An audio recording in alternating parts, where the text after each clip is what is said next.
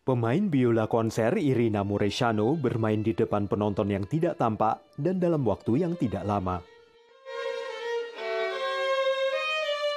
Di studio khusus holo camera di Universitas Maryland, ratusan kamera tiga dimensi merekam gambar dan gerakannya untuk menciptakan hologram yang tampak hidup.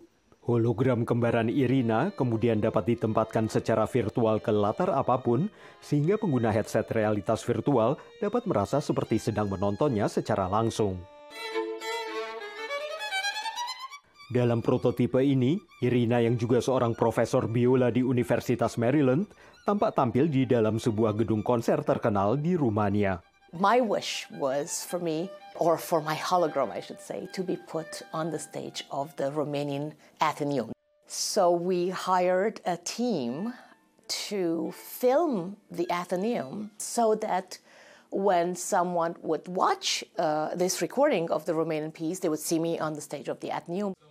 Amitabh Varshney adalah dekan Sekolah Tinggi Komputer, Matematika dan Ilmu Pengetahuan Alam di Universitas Maryland.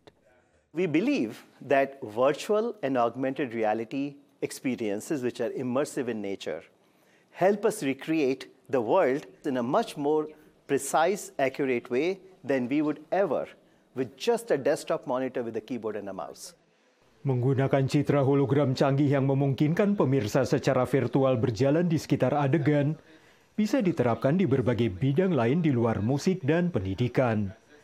Tim Holocamera mengembangkan prototipe untuk seni pertunjukan yang diharapkan dapat dikembangkan untuk melatih secara jarak jauh para profesional perawatan kesehatan untuk melakukan prosedur medis yang rumit termasuk operasi. Dari Arlington, Virginia, saya Helmi Yohanes dan tim VOA.